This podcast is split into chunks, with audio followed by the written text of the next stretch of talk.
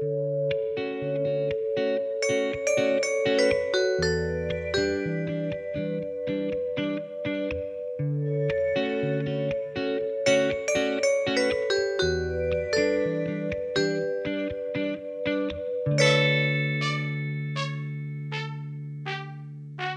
velkommen til Trans-Norge, en podkast om transpersoner. Lagd av PKI Norge, pasientorganisasjonen for kjønnsinkongruens.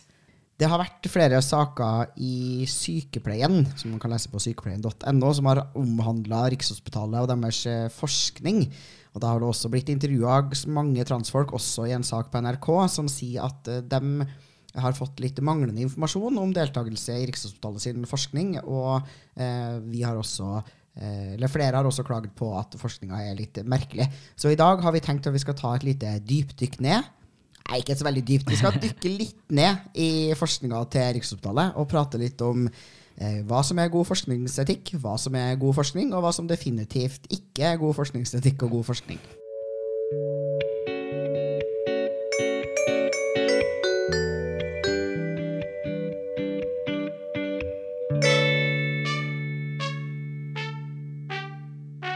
Ja, så Rikshospitalet de klager jo stadig vekk over at det nesten ikke finnes noen forskning på hvordan det går med transfolk når vi får kjønnsbekreftende behandling, men de driver jo med litt forskning selv. Kan Mhm. ikke du fortelle bare sånn briefly hva slags forskning Rikshospitalet holder på med? Ja, eh, de gjør jo litt forskjellig, da. Eh, nå skal det jo sies at nå har de jo starta sånn litt sånne nye prosjekter og sånn også. Men et, et sånt, det, det eksempelet som ofte dras fram, da, er eh, forskning som er en del av det som heter liksom The Sober Group. Og Sober står for eh, Sex on Brain European Research Ja. Group. Ja. Eh, som er et veldig artig navn, syns jeg. Eh, de mener selvfølgelig egentlig sånn sex som i eh, kjønn, men for meg så høres det ut som du bare har sex på hjernen hele tiden. Og det mener jeg på en måte at Riksen har litt òg. Og de spørsmålene er også veldig sånn De er jævlig sånn seksualiserte spørsmål. Um, og hovedtingen de leter etter egentlig gjennom Sober, er jo uh, litt sånne biologiske årsaker til kjønnsinkongruens, hvorfor folk liksom blir trans, um, i tillegg til egentlig alltid føler for, da. Men veldig lite av det handler om hvor bra du har det liksom, før og etter behandling. Så det er ikke så veldig rart at de ikke har så veldig mye forskning på det. Hvis du leser gjennom måte, det de faktisk har publisert, så er det veldig mye sånn hvordan vi har sex, og um, sånn som den, den her som jeg fant nå nylig, som eh, egentlig bare er hvor de har sett på hvordan vi syns vi ser ut, basert på hvordan legene som behandler oss, syns vi ser ut. Ja, og hvis noen der ute tenker nå liksom sånn Nei, men de forsker ikke faktisk på liksom, biologiske årsaker når folk blir trans. Altså, De kan jo ikke være liksom, fascister. Ja. Så skriver altså Rikshospitalet rett ut i sin egen sånn oversikt over hva de holder på med. Eh, vi er med et forskningsstudio som har, studie som har som mål å finne de biologiske årsakene til at folk blir trans.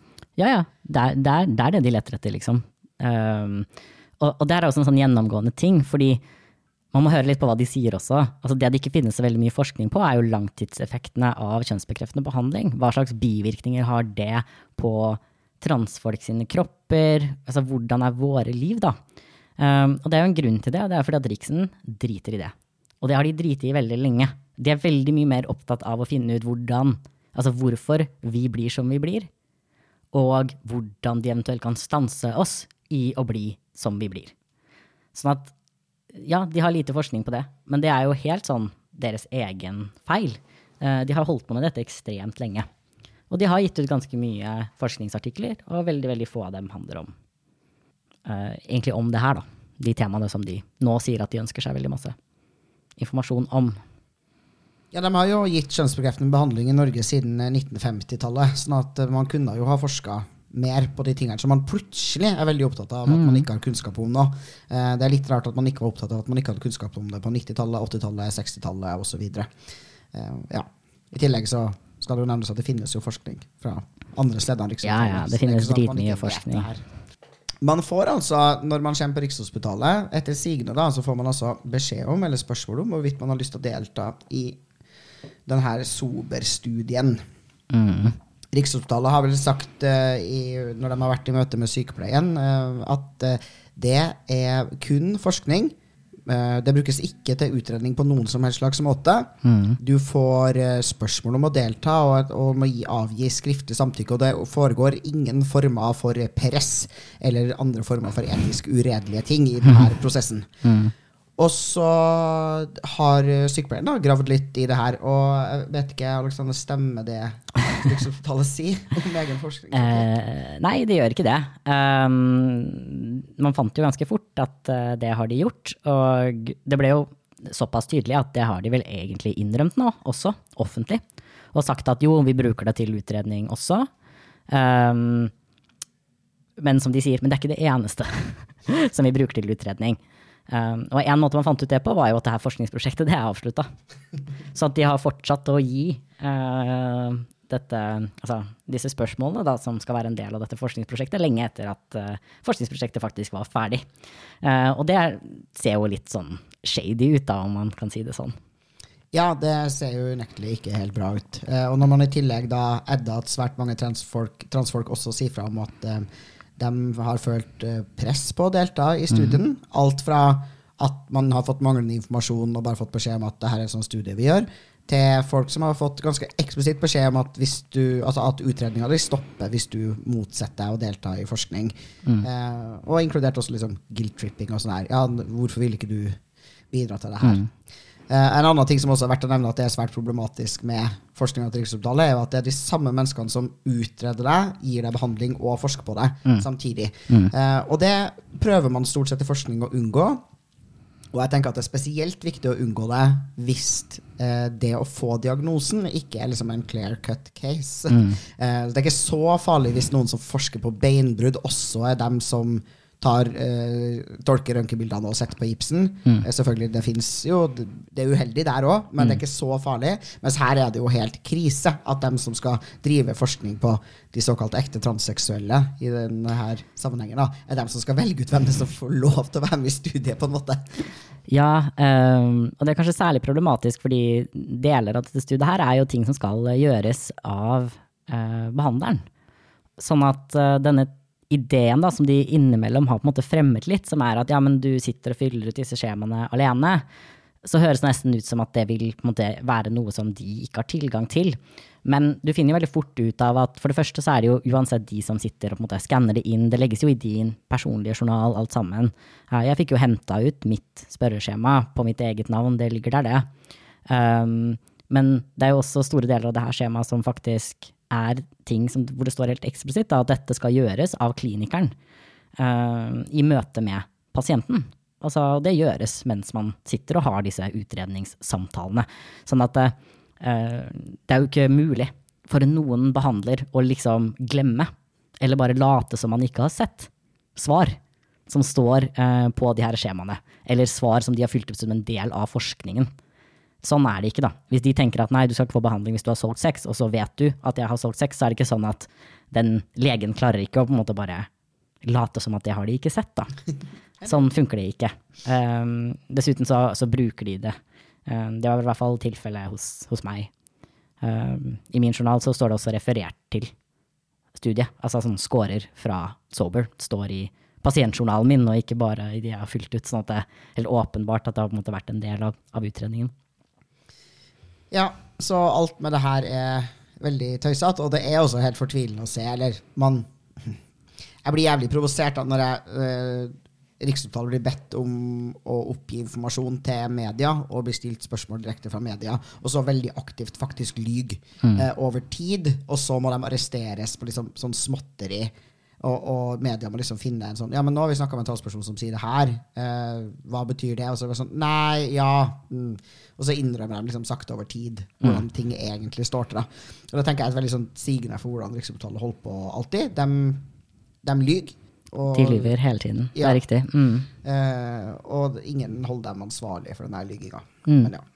Det her er jo ikke noe vi får vite, men Riksen har jo nå gitt liksom, sykepleien og en del andre folk altså Det her jo, skal jo være informasjon som alle skal få, da, for så vidt.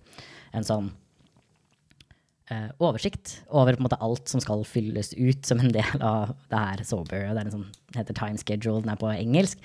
Um, Og det som skjer da, er at uh, det er hele 25 forskjellige på en måte, tester eller liksom, skjemaer. Um, og hver av de kan være lange, på en måte. Så det er skikkelig mye. um, ti av dem skal i utgangspunktet liksom, gjøres av uh, svares på pasienten. Og så har du ting som skal gjennomføres av det som står 'to be filled out by an experienced psychologist slash psychiatrist'. Um, og noen ting som uh, Ja, faktisk begge gangene, bare på forskjellige tidspunkter, da.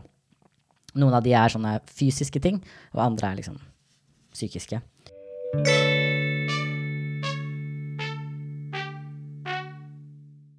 Um, jeg har lyst til å høre liksom først, da, Luka, hvordan opplevde du det? Var det veldig tydelig for deg liksom, når du var der, hva som var forskning? Det her var jo veldig artig, fordi jeg kom på første time, det husker jeg ganske godt. Uh, fikk uh, noen sånne informasjonsark hvor det sto liksom 'utredning tar kjempelang tid', osv.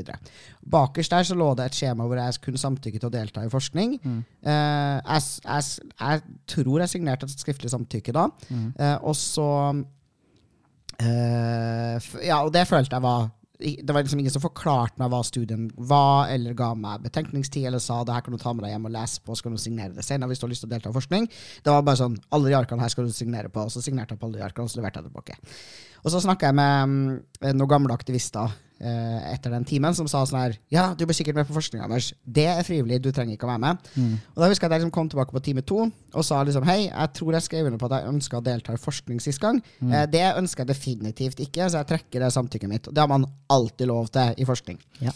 Eh, da eh, ble de sur og lurte på hvorfor, og det har man ikke lov til å spørre om. Nei. det skal ikke ha noen negative konsekvenser for deg eller bestilt noen spørsmål ved det å trekke seg fra forskning. så jeg ble spurt om hvorfor det, og måtte liksom forsvare det.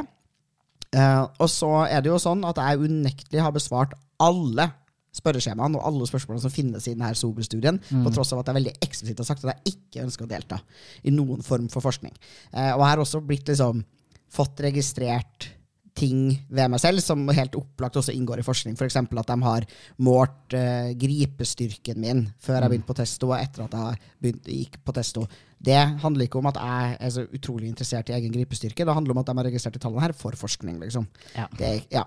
Så de lyver, da. Men uh, det er sånn som jeg husker det. Um, og så fikk man jo da, uh, back in the day, så fikk man jo også halvparten av spørreskjemaene, eller veldig mange av dem, tilsendt før første time. Så man hadde jo allerede kryssa ut veldig masse spørsmål som, handlet, som var forskning, mm. før man helt tatt hadde samtykka til ja, eh, å delta i forskninga. Og det er jo, ja, eh, for dem som kan litt forskningsetikk, det kan du ikke gjøre. Eh, så, um, ja, så jeg fikk noen spørsmål før det, og så fikk jeg noen spørsmål og skjema liksom underveis, hvor jeg satt på et rom alene og skulle fylle inn uh, de her testspørsmålene. Og dem mm. opplevde jeg som uh, at de sprika mellom fullstendig meningsløs og umulig å forstå hva i høttene det er man spør etter, til um, her skjønner jeg veldig godt hva dere spør etter, og hvorfor dere spør. Mm. Eh, dere har noen veldig bisarre ideer og hypoteser rundt hvordan folk blir trans av ymse seksuell aktivitet. Mm. Um, og det her er helt opplagt for meg hva som er riktig og galt svar. da, F.eks. Mm. når det kommer til hva slags type leker du lekte med når du var liten. og sånt. Men det er jo lenge siden jeg har fylt ut de her, eh, de her spørsmålene, så jeg, altså jeg er åpen for, åpen for, å teste det på nytt. Jeg. Ja, du har lyst til å liksom gjenleve det? Jeg tenker det, det er bra. Man kan liksom bearbeide traumer da, ved å liksom gå gjennom det en gang til. Det tenker jeg, det ja, ja. tenker jeg blir bra. I et, I et, trygt rom. Takk, Aleksander. Du er den beste terapeuten av dem alle. Når jeg skulle skrive ut det her skjemaet, så kan det også sies at dette skjemaet her, da, jeg trodde først at jeg holdt på å skrive ut feil, fordi det heter jo selvfølgelig for kvinner slash jenter. Det er det som er for transmenn, da, selvfølgelig. Gi meg jenteskjemaet mitt. ja. Du skal få jente, jenteskjemaet ditt. Um, det er ikke alle spørsmålene du skal liksom trenge å svare på. Uh, så de, de, spør mye om uh, ja, etnisk bakgrunn, sivil status, religiøs bakgrunn, om du er aktiv i trossamfunn, har barn, din utdanningsnivå, men man får også en rekke spørsmål om sine foreldre og sin familie. Uh, sånne ting som har din mor vært innlagt pga. psykiske vansker? Rusmisbruk, psykiatrisk klinikk, avlesningshjem og lignende. Uh, var er din far avhengig av alkohol eller narkotiske stoffer? Så får du tilsvarende for mor, selvfølgelig. Du får for begge. Uh, liksom, var er din far voldelig i forhold til deg eller familien din? Bruker din far legemidler grunnet psykiske vansker? Uh, eller mine favoritter er disse tre, da, som er har du familiemedlem som er transseksuell? Har du familiemedlem som er homoseksuell? Har du familiemedlem som er transvestitt? Hvis du svarer ja, så må du også si hvem.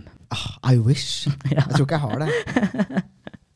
Så sånne syns jeg er veldig fine. Masse ting også. Har du søsken, og i så fall, hvor i rekkefølgen er du? Ja, og alle som liksom har lest litt uh, forskning uh, og, og sånne litt avlagte hypoteser rundt hvorfor folk blir trans, da, så er det jo helt opplagt at hvis det finnes transfolk i familien vår, så betyr det at vi er genetisk disponert for trans, eller at vi har blitt påvirka. Uh, og hvis det finnes homofili, så blir vi homo, og osv., osv. Men noen av de spørsmålene her kan du få lov til å få da, Luka. Takk. Da kan vi jo begynne med I arbeidslivet fungerer du i mannsrolle, kvinnerolle eller veksler mellom manns- og kvinnerolle? Mannsrolle. Utenom arbeidslivet? Samme spørsmål. Ja, det er mannsrolle der òg. Møter du andre transkjønnede? Ja. Hvis ja, hvor? Og her er alternativene dine. Støttegrupper. Internett. Både støttegrupper og internett. Eller annet. Det er mest anna. Men jeg, men jeg har jo altså Jeg trives jo på Twitter òg. Det er mye bra transfolk der. Så det er jo annet og internett, da. Fordi som, som vi alle vet, så transfolk gjør jo ikke noe annet enn å gå i støttegrupper og henge på nett. Så du kan jo være mulig å ha møtt dem noen andre steder enn det, da. Um, hvor ofte møter du gjennomsnittlig andre mennesker enn transseksuelle? Ja, for her er det, det er helt tydelig at jeg burde også omgås cis-folk. Det er veldig Jeg tror det. Ja. ja. Eh, jeg bor faktisk med flere cis-personer, så jeg møter cis-personer hver dag. Oi. Ja, for det er aldri, noen ganger, ofte og alltid som er alternativene. Jeg møter alle. Ja, det føles ut som alltid. altså. Vi kan si ofte, da. Ja. Er familien din klar over at du lever som mann slags gutt? Ja, Det ville vært imponerende hvis de ikke har fått det med seg, i hvert fall. Det her skal du også slippe å svare på, da, men det er også sånne ting som Brukte moren din medikamenter under graviditeten? Hvis ja, hva? Og det er liksom to alternativer, og det er hormoner eller andre medikamenter. Ja, ikke sant? For her er hypotesen at min mor har tatt testosteron og jeg har blitt gutt. Ja. Og så er det jo hvem har oppdratt deg? Både mor og far. Hovedsakelig mor, hovedsakelig far. Andre. Og det her, altså, det her er jo så åpenbare spørsmål, men det, hand, det, altså, det handler jo veldig om sånne utdaterte tanker om uh, dominerende. Det er også sånne bruk som blir brukt i min journal. At de liksom beskriver liksom, visse foreldrefigurer som dominerende osv. Mm. Veldig sånn gammeldags språk. Hva likte du best å leke med i barnehagen når du var fire til seks år gammel? Gutteleker? Jenteleker? Begge ingen. Utover at jeg ikke går med på premisset i spørsmålet om at det finnes gutter Ja, og jenter. du har ikke noe valg. Nei, det er sant. Begge deler. Og så får du samme spørsmål om barneskolen. Seks til tolv. Begge deler der òg. Hvem likte du best å leke med i barnehagen? Gutter, jenter, begge, ingen. Ingen! uh, gutta. Hvem likte du best å leke med i barneskolen? Begge. Hvem likte du best å omgås med i tenårene? Jenta. Oppfordre dine foreldre til å oppføre deg som en typisk jente. Der det var aldri, av og til, ofte og alltid. Av og til. Begynte du å kle deg som gutt før du fylte tolv år? Det, er, det går jo ikke an å svare på det spørsmålet. Uh, ja. Visste noen om dette? Ja. Hvis ja, hvem og hvordan var reaksjonen? Hadde du visse tanker eller følelser i forhold til din kropp som barn inntil tolvårsalderen? Så du visse, visse følelser? Altså Ja. følelser om kroppen min? Jeg synes det er kjempespennende. Hadde du visse tanker eller følelser i forhold til din kropp som barn? Da kan du svare nei, positive eller negative. Ja, det gir jo ingen mening. Um, et, um, sikkert ikke så mange tanker om egen kropp. Nei. Nei. Det her, eh, folkens, goes on forever. Vi er liksom nå på spørsmål 57, egentlig, i denne undersøkelsen. Jeg har liksom hoppet over fryktelig mange ting. Men den fortsetter. Misliker du nå at du er jente-kvinne? Uh, jeg går ikke med på premisset spørsmålet. Har du nå et ønske og overbevisning om å bli mann-gutt? Går ikke med på premisset i spørsmålet. Ble du seksuelt opphisset av å kle deg som en gutt i alderen mellom 12 og 18 år? Det er aldri, av og til, ofte og alltid. Da må jeg si aldri, da, for ellers så tror de at det er auto, androfili, Fili. Mm. og at jeg, min motivasjon for å være mann er egentlig ikke at jeg er mann, men at jeg bare blir veldig kåt av å ha på manneklær. Ja. Og derfor har jeg også veldig lyst på kjønnsbekreftende behandling, og alt sammen behandler om en så stor runkesirkel. ja. Ja. Hadde du sex eller onanerte du mens du var kledd som en gutt i alderen mellom 12 og 18 år? Ja, det gjorde jeg. Det gjorde jeg. Og her elsker jeg også at du kan si aldri, av og til, ofte eller alltid. Alltid! Onanerer du? Ja. Jeg liker at det spørsmålet kommer etterpå. ja det. I tilfelle ja, hvor gammel var du da du begynte å onanere? Er det svaralternativet? Nei, du skal skrive antall år. Eh, Seks, kanskje. Hva handlet dine første seksuelle fantasier om? Det her er freaky Rikshospitalet. What bare fuck do you care? Sex med kvinne? Sex med en mann? Sex med begge kjønn? Andre fantasier? Beskriv. Eh, annet beskriv. Det er jeg veldig glad for at det finnes en track record der, på hvor man liksom får en sånn nøye beskrivelse av våre seksuelle fantasier. Ja. Ja. Hvor viktig er seksualitet for deg? Også det er veldig viktig at du ikke svarer feil. fordi hvis du svarer at seksualitet er veldig viktig for deg, så har jo Rikshospitalet sånn idé om at seksualiteten din går i stykker om du gjennomgår kjønnsbekreftende behandling. Så hvis du svarer at den er veldig viktig for deg, så så teller jo ikke det for da, at du skal få kjønnsbekreftende behandling. Altså, det her tror jeg er legit, det er logikken. Ja, altså Liksom, Neste spørsmål er jo hvordan ville det være for deg å aldri kunne bli seksuelt opphisset etter behandlingen? Ja, og det er jo også helt tydelig at Rikshospitalet har tenkt å gi deg jævlig dårlig kjønnsbekreftende behandling, fordi de har tenkt å ta fra deg all sexdrift. Og da kan du svare forferdelig, ikke så ille, ikke viktig overhodet. Ja, altså jeg ville synes det var forferdelig. Seksualitet er veldig viktig for meg. Ja. Det løy jeg på. Jeg skrev at seksualitet var sånn medium viktig, husker jeg. Jeg er ikke så opptatt av det, faktisk. Hvordan føles det for deg å få orgasme? Alltid behagelig? Noen ganger behagelig? Aldri behagelig? Eller ikke relevant? Jeg syns oftest det er behagelig, så lenge jeg slipper å snakke om det til Rikshospitalet. ja. Så er det stort sett behagelig. Hvis du fantaserer om seksualitet, hva innebærer disse fantasier? Jeg har sex som en kvinne. Jeg har sex som en mann. Noen ganger har jeg sex som en kvinne slash mann. Jeg fantaserer ikke om meg selv. Jeg har ikke seksuelle fantasier. Det er jo kjempefreaky. Ja. Jeg vil ikke svare. Hvis du fantaserer, er partneren din en kvinne, en mann, noen ganger en mann, noen ganger en kvinne, transkjønnet. Jeg fantaserer ikke seksuelt om en partner. Jeg har ikke seksuelle fantasier. Jeg elsker at han har et eget kjønn her, som jeg kan Ja, ja. fantasere om. Hvem er du seksuelt tiltrukket av i dag? Kun kvinner uten lengsel etter menn. Overveiende kvinner, men av og til menn. Overveiende kvinner, men regelmessig også tiltrukket av menn. Like mye kvinner som menn. Overveldende menn, men regelmessig også tiltrukket av kvinner. Overveiende menn, men av og til av kvinner. Kun menn uten lengsel etter kvinner. Transkjønnede. Også veldig artig at trans er bare er et eget kjønn. Og, og det er ikke noe sånn vekting. Og hvis du liker trans, så liker du bare trans. Det er ikke noe such ting liksom sånn å like trans og cis-folk, eller sånn. Nei. Hva tror du din seksuelle preferanse, hvem du føler deg tiltrukket av, ville forandre seg etter en eventuell behandling? Det er også veldig sånn artig sånn hypotetisk spørsmål som jeg ikke forstår hvordan det er relevant. Nei. Fordi det de, det de vel prøver å spørre om, er jo sånn her Er det sånn at du egentlig har en annen seksualitet enn den du lever ut i dag, og at du tror at det kommer være letta for deg å liksom, leve ut en Mm. posttransisjon? Men det er jo ikke det de spør om. Nei? Det er bare sånn spør, Tror du at testosteronbehandling kommer til å endre Right. din seksuelle orientering? Jeg er bare sånn, Nei, det tror jeg ikke. Ja, så har vi jo Tror du dine seksuelle følelser eller oppførsel slash atferd vil vurderes av andre som rare hvis de visste om dem? Altså, hvis de som skal vurdere det Rikshospitalet, ja. Da du hadde seksuell kontakt for første gang, var det med en kvinne, en mann, ikke relevant. Hvor mange seksuelle partnere har du hatt hittil? Det er ikke så veldig mange alternativer. Ingen, én til fem, fem til ti, mer enn ti. Men så- Det er veldig gøy hvis du svarer mer enn ti, selvfølgelig. fordi neste spørsmål er jo disse partnerne var spørsmålstegn. Kun kvinner. Flere menn enn kvinner. Flere kvinner enn menn. Like mange kvinner som menn. Kun Ja. menn. Andre stæsj transkjønnet. Disse partnerne var flest. Heteroseksuelle kvinner. Heteroseksuelle menn. Homo- eller biseksuelle kvinner. Homo- eller biseksuelle menn. Ingen viten om deres legning. Slash husker ikke.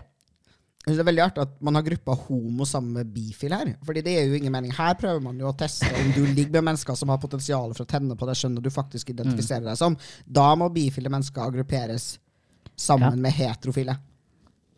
Ja, det skulle man tro.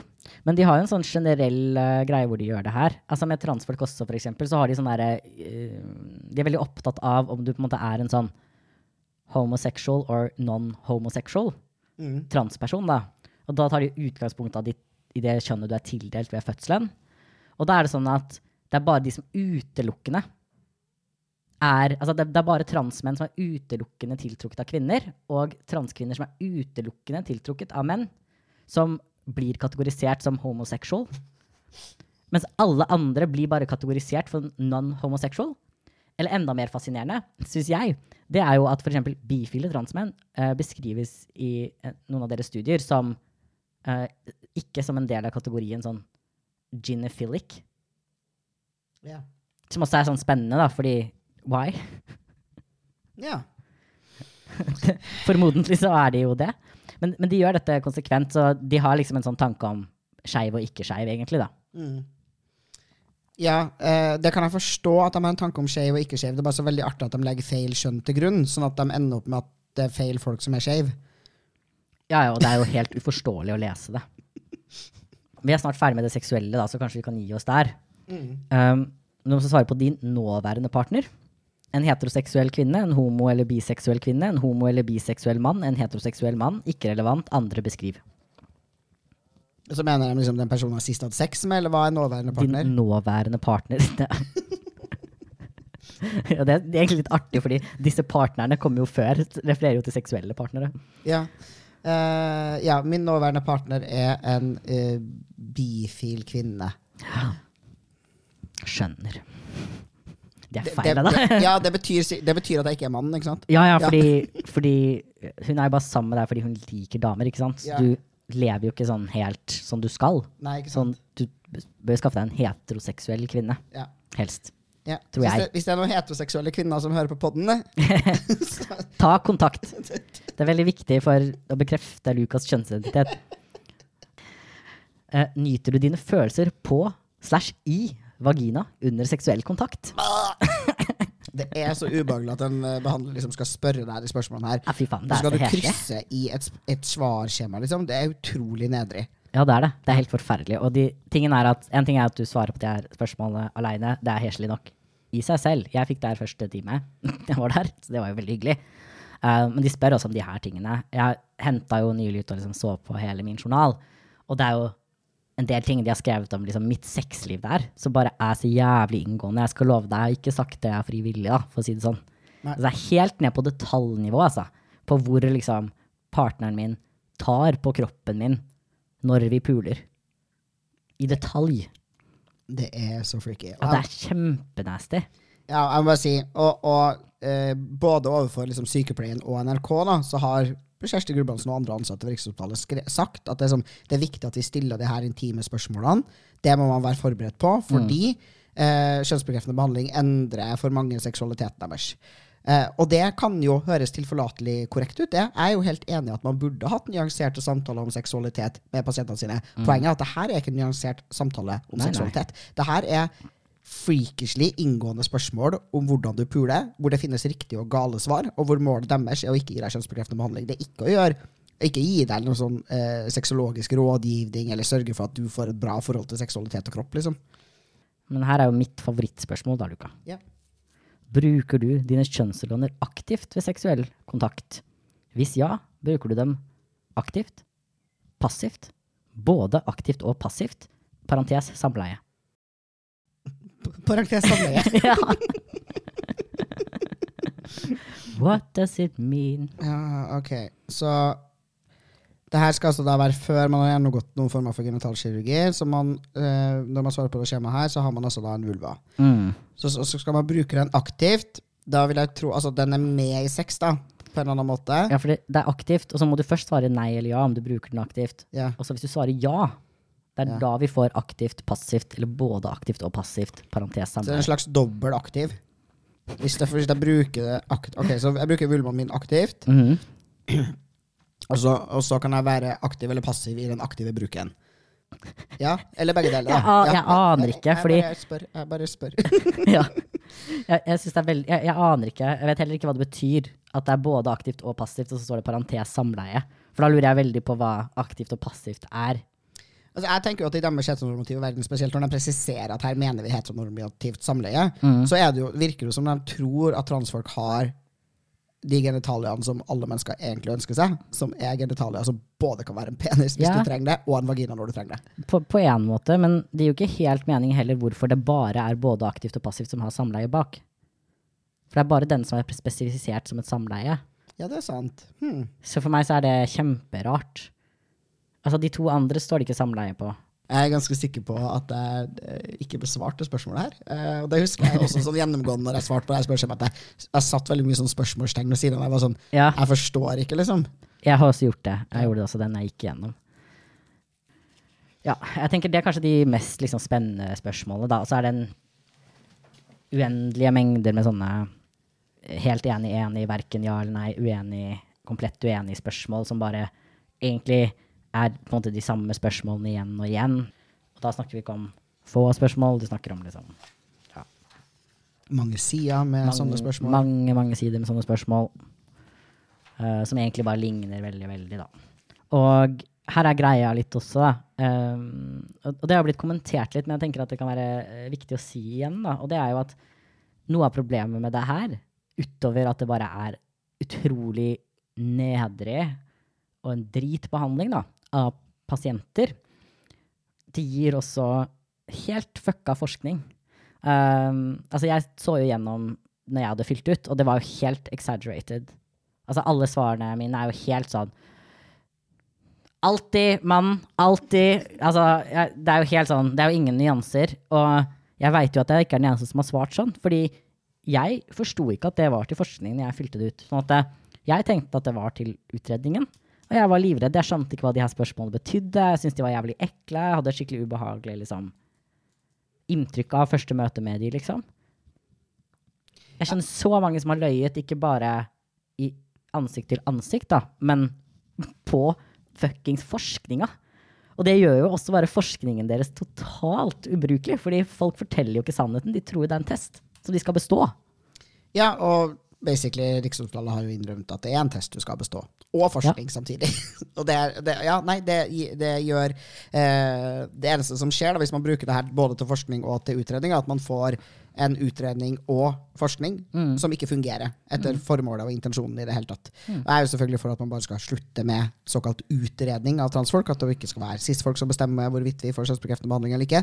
Men hvis man allikevel liksom tenker at det skal være det, da, så må de i hvert fall håpe at de tar den beslutninga si på et noenlunde sannferdig grunnlag. Og det får de jo ikke gjort når de legger det opp på den måten her. Nei. Altså, de tar heller ikke høyde i det hele tatt for hvor du faktisk har kommet i prosessen når du kommer dit. Det la jeg også merke til når jeg leste liksom gjennom mine egne svar. Fordi uh, ganske mange av dem er helt sånn meningsløse. Hvis du allerede har uh, enten selvmedisinert, du har levd ganske lenge på en eller annen måte, da, som det kjønnet. Altså, det er masse sånne ting som bare tar høyde for at liksom, du lever som eh, en kvinne, da, hvis du er en transmann når du kommer dit, og motsatt. Sånn at når du svarer, så bare blir du sånn jeg, jeg skjønner ikke Altså, jeg kan svare på det, men det vil jo ikke gi et spennende spørsmål, eller i hvert fall ikke et spennende sammenligningsgrunnlag.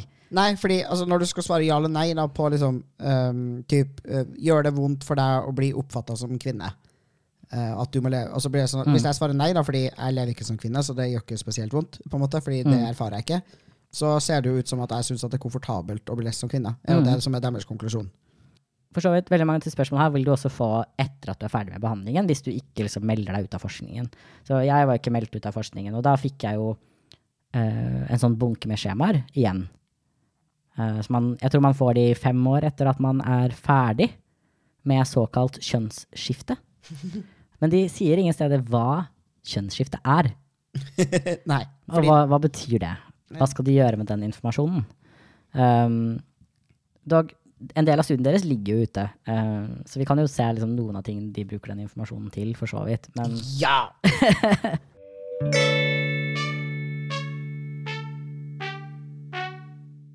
ja. ja. Så da har Riksen eh, samla inn eh, veldig mye interessant informasjon om transfolk, og eh, reita oss på skala over hvor pen eller stygg de syns vi er, og hvor mye vi ser ut som menn eller kvinner. og whatnot. Så spørsmålet hva har de brukt det her til, da? De har vel lagd noe forskning, kanskje? eller? Ja, de, de har jo det.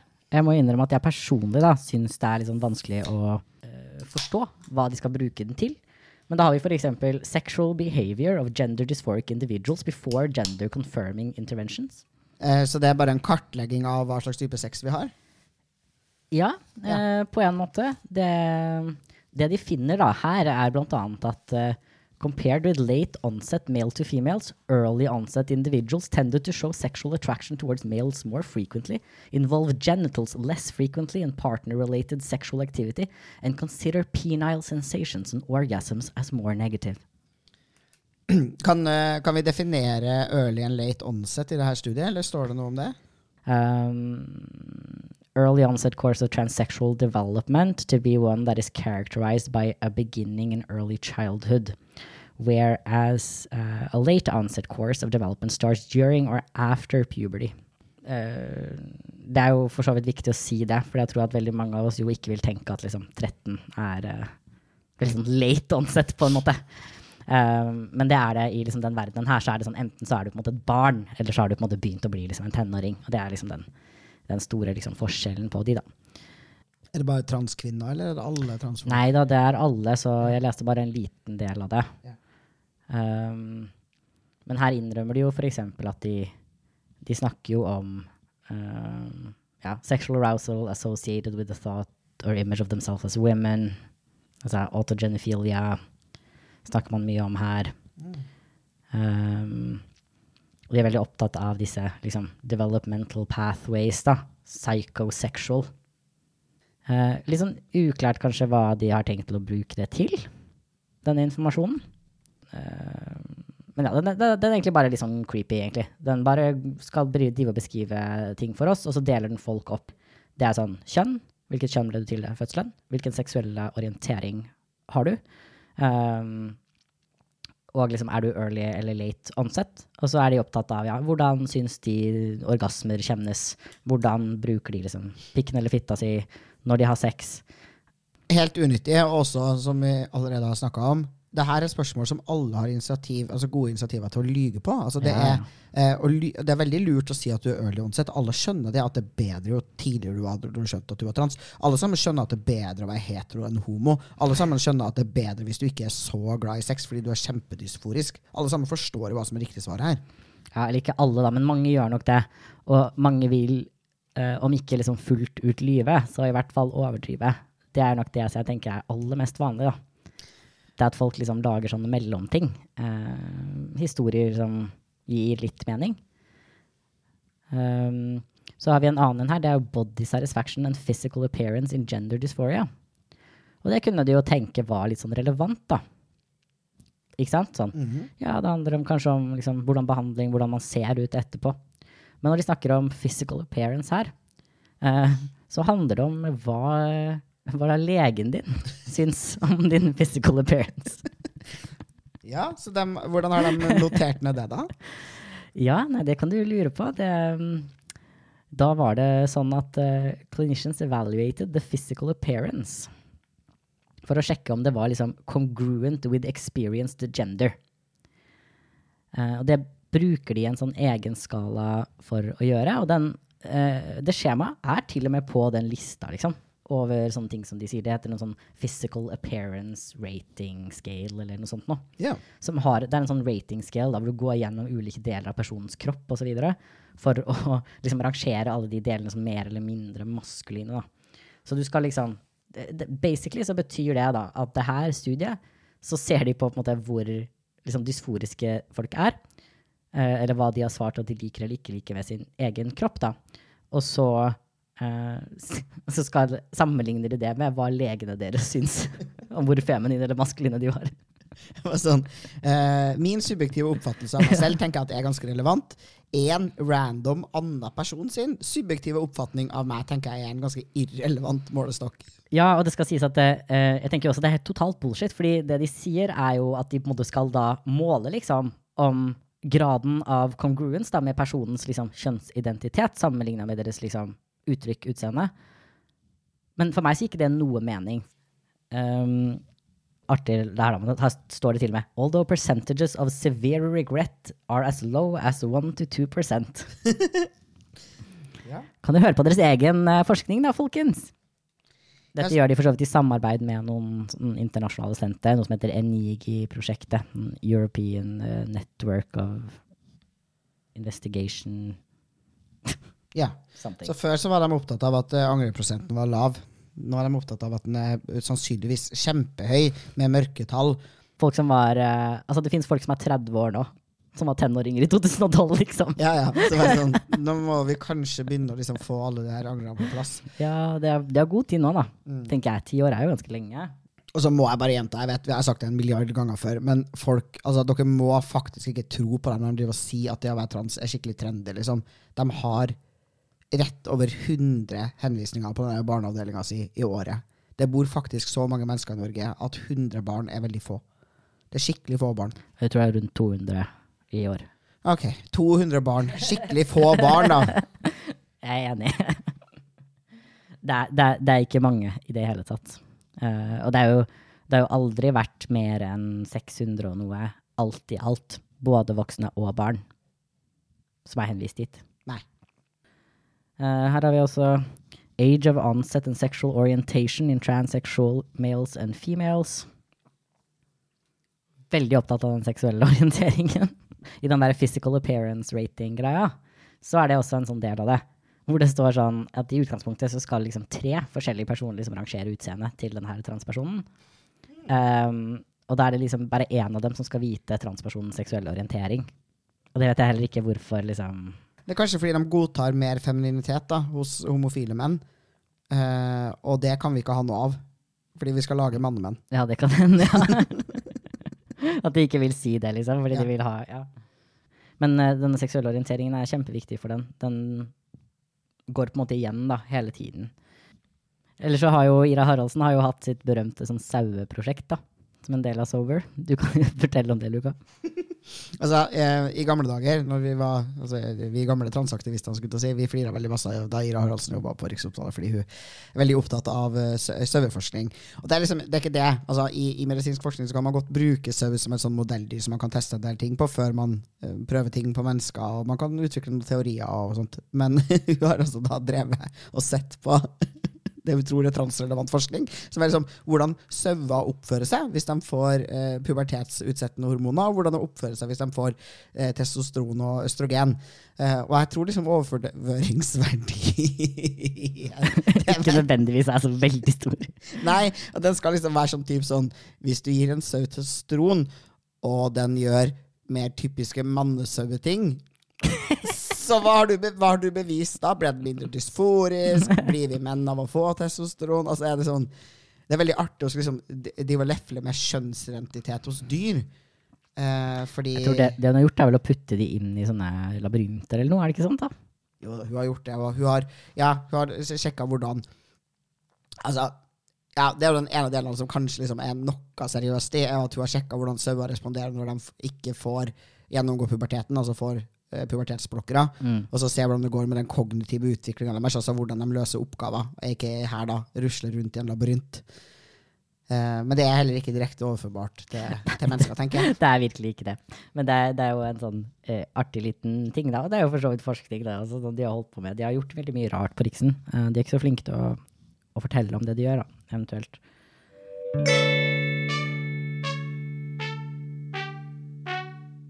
Um, men sånn avslutningsvis, da, eller er avslutningsvis, eh, kan man jo se litt på eh, For de har jo liksom beskrevet på en måte litt det her prosjektet, dette Enigi eh, Initiative. Og det er et, um, et prosjekt, et samarbeidsprosjekt gjennom, eh, mellom fire klinikker. Det er en i Amsterdam, Gent, Hamburg og Oslo. Um, og som regel sånn, publiserer de bare ting sammen. sånn som De tingene vi så der, er på en måte ikke bare basert på Norge, det er basert også på de her andre klinikkene.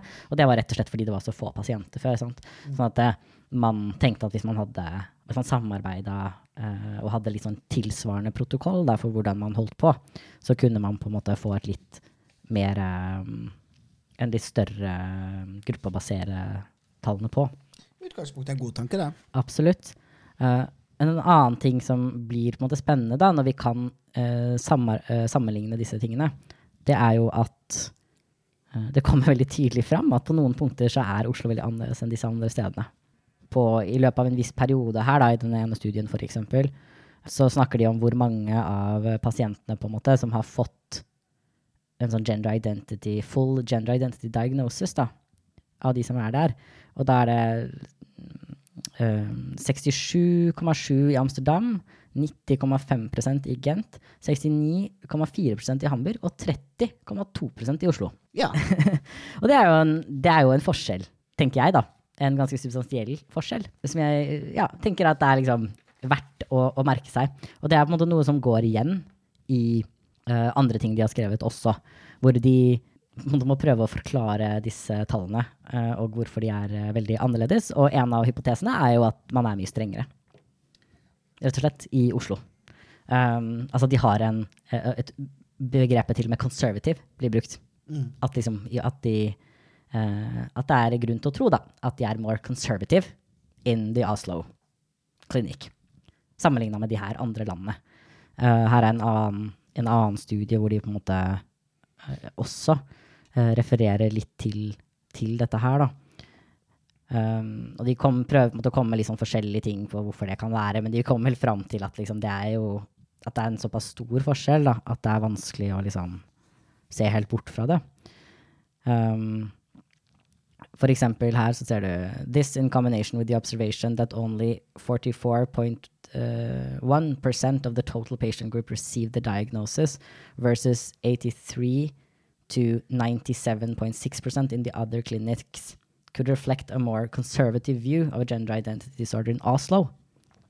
Um, and the, a low spread in scores for applicants diagnosed with gender identity disorder in Oslo could reflect a narrower interpretation of the gender identity criteria than in other clinics. Så den andre delen av det her som de sier, er jo at det er en low spread in scores blant alle de som fikk diagnosen. Så det betyr at liksom man har sett på um, de ulike tingene som man bruker for å sette diagnosen. Så er det sånn at liksom, uh, variasjonen da, i hva folk har svart, og fremdeles fått diagnosen, er mye større i alle de her andre klinikkene. Mm. Mens i den uh, fra Oslo så er på en måte, det er nesten identiske svar. Alle som har fått diagnosen, har nesten identiske svar. Ja, og det viser jo at ja, det, på Rikshospitalet er det en ganske homogen masse som får eh, kjønnsbekreftende behandling, fordi de har en veldig distinkt idé om hva det vil si å være trans, og den opplevelsen transmiljøet har hatt om at det nåløyet er trangt, ja, det er det. Absolutt. Uh, en annen interessant ting her er jo at uh, de uh, sier We observed that there were more M2F applicants than F2M applicants. However, a larger percentage of F2M applicants received the gender identity disorder diagnosis. Så um, ja, det var flere transkvinner som ville ha behandling, som var der. Men det var likevel an Antallet transmenn som fikk behandling, var likevel større. Ja, på Rikshospitalet, ja Uh, flere av disse stedene, virker det som. Ja. Um, så det er jo også en det, det, har vi jo for så vidt visst en stund, men det er jo også spennende at det faktisk står i de studiene de selv gir ut. Særlig fordi de jo i utad i media virker jo som at de snakker veldig mye om at uh, de er så utrolig bekymra for disse, disse transmennene. Men de driver jo konsekvent og gir mer behandling til transmenn. Ja, ja, og det gjør, de, det gjør de fortsatt. Men man kan fortsatt se det i årsrapportene deres når man liksom prøver å sammenligne mm. på henvisningstall og sånn, at de har en kjempepreferanse for menn. Ja. Uh, og det er, uh, det er, gjennomgående. Og det tror jeg også handler om Det handler om den der forkvakla ideen om seksualiteten vår, mm. og spesielt seksualiteten til transkvinner. De tror på autogynefili som en liksom ja eh, diagnose eller tilstand som gjør at man ikke egentlig er trans. Og så er de ekstremt opptatt av utseendet vårt. Det har de jo allerede innrømt. De driver jo og rater det. Mm. Um, og der tror jeg rett og slett at de bare Uh, er litt sånn Nei, jeg tror ikke du kommer til å bli pen. liksom Du kommer ikke ja. til å bli pen nok, så du får ikke lov til å leve som dame. Ja, det tror jeg også. Uh, det er også spennende, fordi i den uh, som jeg refererte til i stad, med physical appearance-greia, så står det også at liksom uh, transkvinner sin liksom, physical appearance i forhold til hvor feminint eller maskulint det var, da, ble liksom vurdert som mer liksom incongruent uh, av the clinicians enn for transmenn. Ja. Så det vil si at de mente at transkvinner så mer ut som menn da, enn de syns transmennene så ut som kvinner. Ja.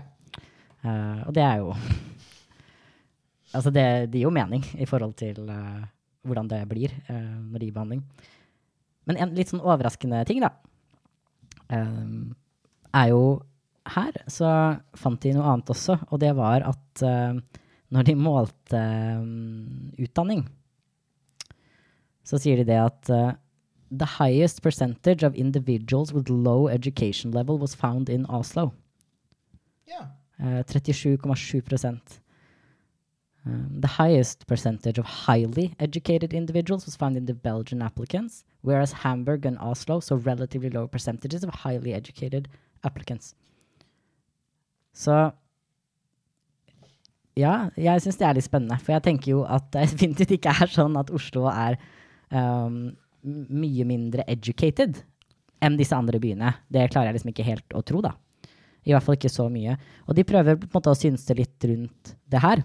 Um, og kommer egentlig fram til at det kan ikke bare forklares av at uh, det er en liksom gjennomsnittsalder som er litt yngre. Uh, den viser seg fordi det her, denne forskjellen viser seg også blant de eldre Mm. på, i Oslo, da. Um, da kommer det jo med en spennende tese. um, og det er jo